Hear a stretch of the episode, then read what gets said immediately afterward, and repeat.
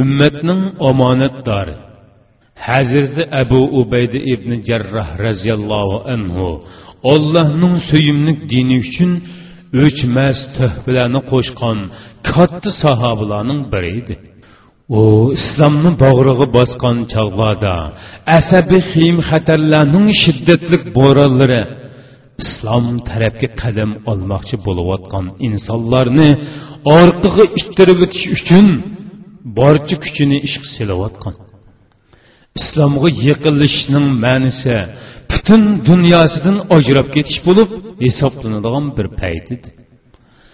Oxiratlik hayotda baxtiyor makon barpo qilish uchun o'zini otg'on azamatlar bo'lsa dunyo hayotiga parvo qilmasdan ajoyib qizg'inlik bilan olg'a ilgirlamakda edi.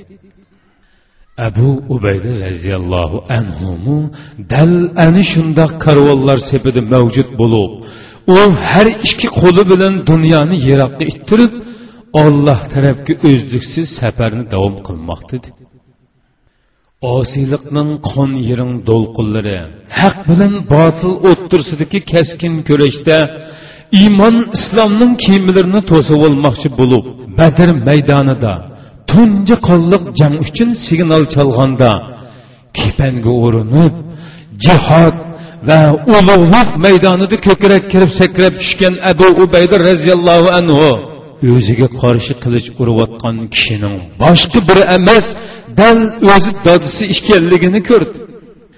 Garchi kofir dodining qini olli burun mo'min o'g'il uchun halol bo'lgan bo'lsinu ammo uning nazarida u yanada dod edi. Dada o'g'lining ollohning oldiga egilgan beshini kesib tashlamoqchi bo'lib o'tadi. Lekin mo'minning butun o'y xiyoli koshki mening qilichim dadamning hayotini kufrliq holatida tamom qilib o'tishga sababchi bo'lib qolmas edi degandila iborat edi.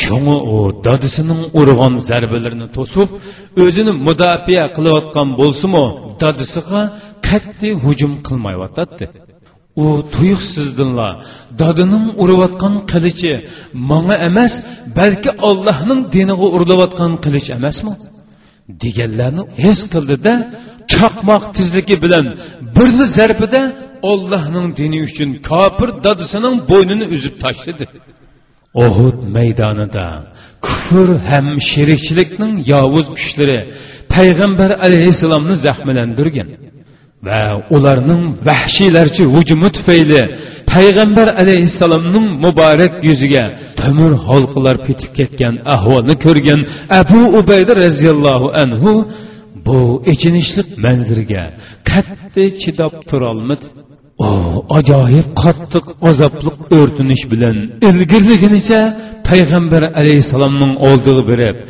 yuziga petib ketgan temir parchasini tishida tishlab tortib chiqarmoqchi bo'ldi. Halqa asta asta chiqishga boshladi. Shuning bilan birlikda abu ubayda roziyallohu anhuning tishlari sunib eg'izidan qon eqishga boshladi.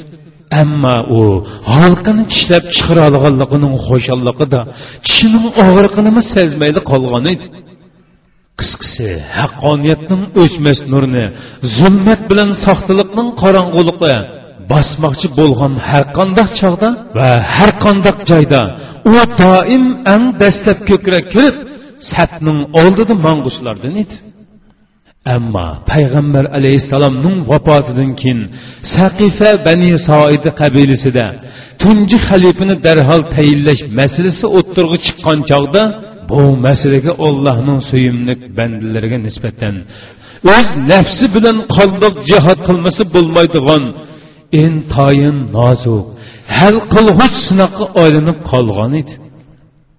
Munofiqlar ig'vogarchilikka toyinib islom dinini payg'ambar alayhissalom bilan qo'shib mangulikka dafni qilib o'tmoqchi bo'lyotadi shayton bor kuchini ishqishlash orqali ollohning pidokor bandalarini huquq tolishish ixtilofiga so'rab kirib payg'ambar alayhissalomning yigirma uch yil bo'yi o'z yurak qani bilan sug'urib yetishtirgan hazam bo'lmas islomiy qarindoshlik bo'stoniga o't qo'ymoqchi bo'lyotadi har doim islomga yordamini olmay kelgan ansorilar bugun o'zlari uchun xalifalik huquqini talab qilyotadi muhojirli bo'lsa xalifalikka islom uchun o'z oila bola chaqasini tashlab chiqa olgan muhojirlar haqliq deb to'g'limoqda garchi huquq talashish masalasi qayta yana bir qitim islom uchun fidokorlikni talab qilayotgan bo'lsinu.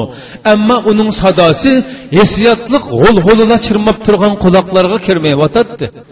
Huquq talashishning bu ofatlik kalkun yo'linishini qandoq qilganda qaytadan fidokorlik va qurbon berish ishtiyoqi tarafga borg'ili bo'ludi?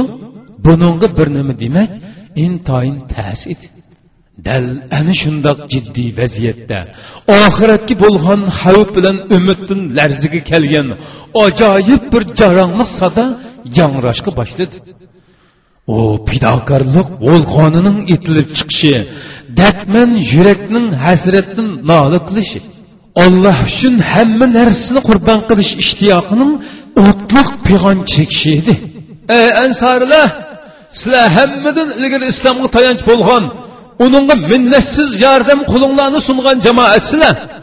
Amdilikda islom jamoatini hammadan ilgari parchalaydigan kishilarga aylanib qolsanglar qandoq bo'lg'ini? Bu dal abu ubayda roziyallohu anhuning ovozi bo'lib chin qalbdan chiqqan bu alamlik sado o'z qalbining sadosini anglatolmayotgan quloqlardan kirgancha udul birib iymon vijdonni larziga silishga boshladi. Ixtilofning qonliq bulutlari xuddi birdamlik to'pichongdakda to'zib tugidi tehi boyili huquq talab qilayotgan ansorilarning qalblarida birdil fidokorlik ishtiyoqlari chaqmoqdek jush urishga boshladi. Shuning bilan ularning ishidan zaydi ibn horisi roziyallohu anhu o'rnidan dast turib qarindoshlar payg'ambar alayhissalommi muhojir edi?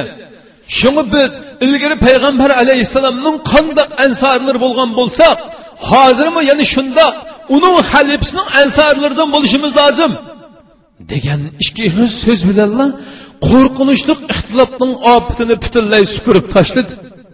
Bu iymoniy fidokorlikning hayojonli kayfiyatida o'rnidan turib ketgan abu bakr siddiq roziyallohu anhumi qaranglar mana bu umar ibn hattob haqida payg'ambar alayhissalom doim uning barkitidan islom haslab taraqqiy qilgan deydi. Mana bu abu ubaydiga payg'ambar alayhissalom o'zi aminul umma ya'ni ummatning omonatdori degan nomni bergan edi. Kelinglar biz hammamiz mush ikkalarning biriga bay'at qilaylik deb xitob qildi. Bu xitob haqqoniyatni ang dastlab qabul qilib islom uchun ajoyib katta tuhfalarni qo'shgan zotning amdilikda yanada hammadan ilgari eng katta qurbonliqlarni berib o'z tuhfisining haqqidan voz kechmoqchi bo'layotganligini isbotlab bermoqda edi bu xitob umar roziyallohu anhu va abu ubayda roziyallohu anhu har ikkalandan birining o'z jon fidoliqlari badiliga xalifalik sharifini qo'lga ilish uchun eng sholliq fursatni yaratib bergan bo'lsinmi? Ammo xalifalik uchun nomzodlikqa ko'rsatilish bilanla darhol o'rnidan turgan umar roziyallohu anhuning abu bakr roziyallohu anhuga bayat qilib ey payg'ambar alayhissalomning qo'ldishi sizlar turgan yerda buningga boshqa kim ahtar bo'la olsin? deyishi bilan tangla abu ubayda roziyallohu anhuning to'p orasidan yugurgunicha itilib chiqib to'xsla to'xsla man oldi bilan bayat qilib olay man oldi bilan bayat qilib olay deb oldirash to'lab ketishlari butun dunyoni hayratda qoldirgan edi. Loziqiyani fatih qilib bo'lgandan keyin islom qo'shinining bosh qo'mondoni abu ubayda roziyallohu anhu rim imperatorining intayin kuchli qo'shin bilan musulmonlarga hujum qilish oldida turayotganligini xabar topgan edi. Musulmonlar qo'shinimi ularga qarshi harakatga o'tish oldida turatdi. Ammo ular bilan birlikda hali ko'p sonda ayol bolchaqalar mavjud bo'lib musulmonlar uni qaysi bexatar o'ringa joylashtirish masalasiga duch kelgan edi. Buningga ma'lum biraylan loziqiyada qoldirib ketayli degan fikrni berdi ammo ikkinchi biraylan bu fikrga qarshi chiqib yo'q unda qilsak bo'lmaydi. Bu xristianlarning shahriga ayollarni tashlab qo'yib qandaqmi xotirjam olg'a ilgirligili bo'lsin. Dedi. Hammaylan chunqur o'yg'ib ketib ketdi. Әмділікті musulmon ayollarning bexatar saqlanish uchun bu shaharni xristianlardan bekorlatishdan iborat uchinchi yo'lda qolgan edi. Abu ubayda roziyallohu anhu nihoyatda tuz oddiylik qilib bu fikrni o'ttirib qo'yib tashildi. Qandaqmi bunday qig'il bo'lsin? Qo'shin ichidan bir askar intoyin ochiqlangan holda abu ubayda roziyallohu anhuning fikriga qarshilik bildirishga boshladi. U biz xristianlarga omonlik bo'lish uchun va'da qilgan. Endilikda mushu omonsizlik tufayli o'z va'dimizni yenishimiz qandaq mumkin bo'lsin? dedi. Mohiyatda ayollarning xotirjam saqlanish masalasi musulmonlarga nisbatan qattiq bir amalsiz vaziyatni shakllantirgan bo'lib bu amalsizlikni hal qilish uchun o'ttirg'a qo'yilgan yo'lliq choraga nisbatan oddiygina bir askar qarshi chiqmoqda edi. Ammo abu ubayda roziyallohu anhu bo'lsa bu so'zni anglash bilan tangla na amalsizliklarni o'ylab o'ltirmadi na qarshi chiqqichining oddiy bir askar ekanligini nazarga ilib o'ltirmadi. Balki uning his qilg'ini uning degini haq degandan iborat bo'ldi shunga bir minutnimi tavil qilib yurishga zoya qilmasdan o'zining xato fikr berganligini tubanchilik bilan darhol qabul qildi ixro qildi va askarga rahmat etdi qarang. Shaksizki men xatolashibdiman biz bu xristianlarning omonligi uchun va'da qilgan tursak endi qandoqmi va'damizni yetib olgudekmiz haqiqatan men xatolashibdiman haqiqatan xatolashibdiman yaraysan. Deyishga boshladi. Yarmuk urushida abu ubayda roziyallohu anhu qo'shinning bosh qo'mondoni bo'lish salohiyati bilan jiddiy urush hozirliklarini qilmoqda edi. Dal shu paytda xolid ibn valid roziyallohu anhu uning yeniga kelib agar sizlar qo'shinning qo'mondonligini manga topshirsizlar va butun askarlarga yorliq tushirib manga qat'iy itoat qilishni jakorlasizlar man bu urushni g'alaba qilishga umid bog'lay olayman degan taklifni o'ttirib qo'ydi. Mohiyatda xolid roziyallohu anhu faqat islomning g'albisiga bo'lgan umidvorlikni ifodalamoqda edi ammo bu ummatning qimmati ammo bu umidning qimmati abu ubayda roziyallohu anhuning qo'mondonlik sharifidan voz kechishni talab qilmoqda. Shundoqdimi abu ubayda roziyallohu anhu qalbining cherto'zini sizishda manma hech kimdan qilishmaymanku deganlarni qat'iy o'ylab o'ltirmadi balki so'zsizlar iymonning islomning g'albisiga bo'lgan umidni bog'rig'i besib qo'mondonlik sharifini shu hamon xolid ibn valid roziyallohu anhuga ikki qo'llab sunib berdi. Xolid roziyallohu anhu islomning g'albisi uchun qanchalik ixlos bilan bu sharafni talab qilgan bo'lsa abu ubayda roziyallohu anhu shundoq chunqur ixlos bilan bu sharafni o'tinib bergan edi. Islomning g'albisiga bo'lgan bu ikki qalbdagi g'arazsiz ixlos ollohning fazli bilan ollohning fazli marhamati bilan kuchtingir rim qo'shinlari ustidan g'olib kelgan edi ikki ixlosmand qalbning birlikda o'rkashligan do'lqinlari oldida po'lat savutlar bilan mukammal qurollangan rim qo'shinlari put tirab turolmadi ramliqlar jang maydonida qoldirgan yuz minglarcha jasadlarni dastlashgunicha ular tirilishiga qoldirmay badar tikib o'tishdi allohning bu ikki sadoqatmand bandalari chunqur suyunish ichida tabassum qilmoqda edi xuzoa qabilasiga jazo yurish qilish uchun amir ibn os roziyallohu anhuning boshqurishida uch yuz kishilik mujohidlar atirda avatilgan chog'da uning orqadan yordamga avatilgan qo'shinga abu ubayda roziyallohu anhu qo'mondonlik qilmoqda edi yana kelib bu qatimqi yordamchi qo'shin ichida ikki shayx bor edi ya'ni umar va abu bakr siddiq roziyallohu anhularga o'xshash katta sahobalarning mavjud bo'lganligi va abu ubayda roziyallohu anhuning qo'mondonligiga agishib minayotganligi ajoyib katta bir sharaf edi.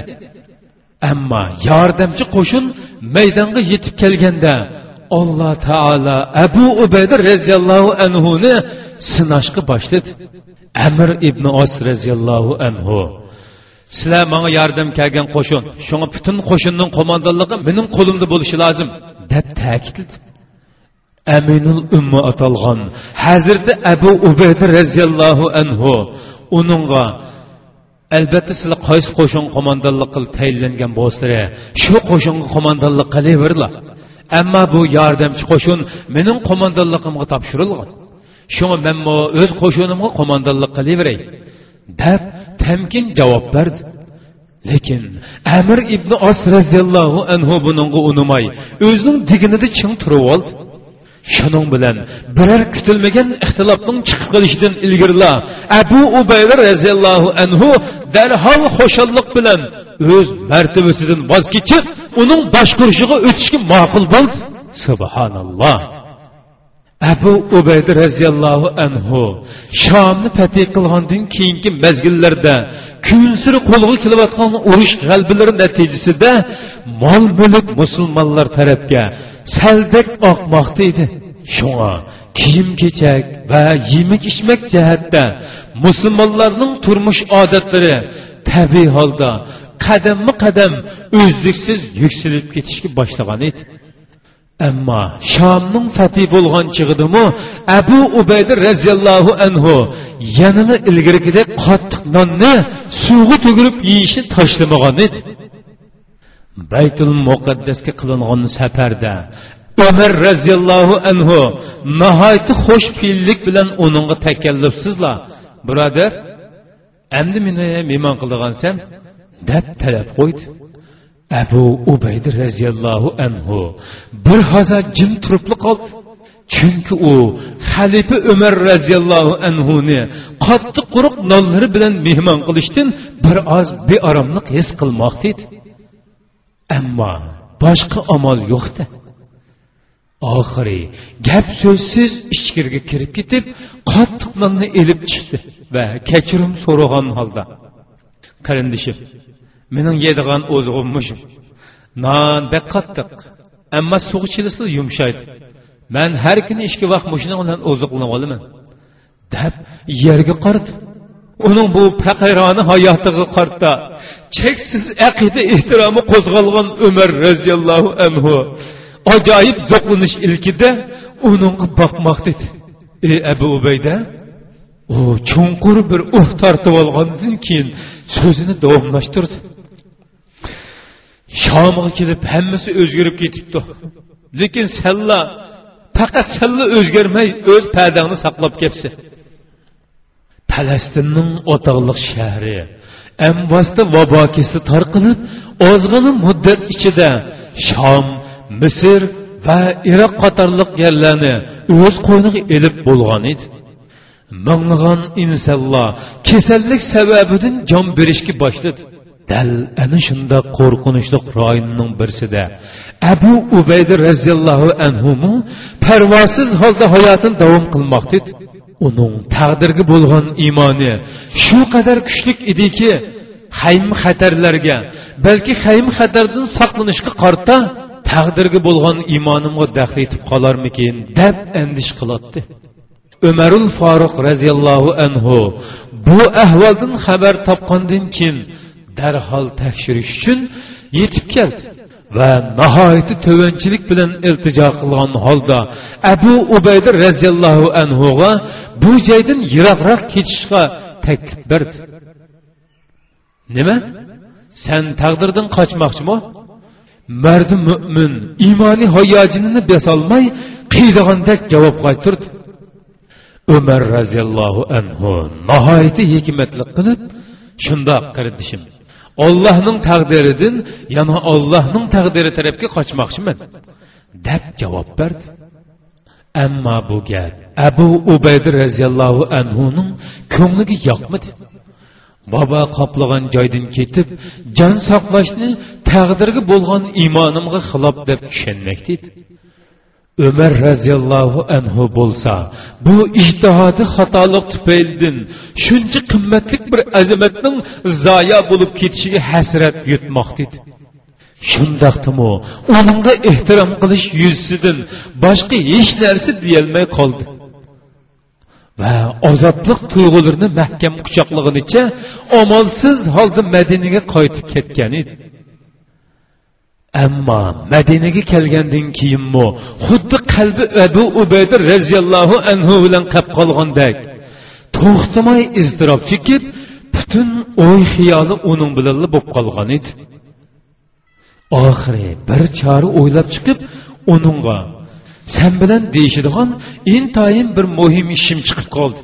Darhol madinaga kelib yana qaytib ketsang bo'ladi deb xat yozdi. Xatning taktiga yetib bo'lgan abu ubayda roziyallohu anhu. Unga javoban man islom qo'shinini bu yerga tashlab o'zimning jinini saqlash uchun yananga borolmayman. Olloh nimani iroda qilgan bo'lsa shuni ko'rman deb xat yo'lladi bu xatni o'qib o'zining hech amal qilolmayotganligiga siqilgan xalifa umar ibn hattob roziyallohu anhu qattiq qayg'urib yosh to'kdi.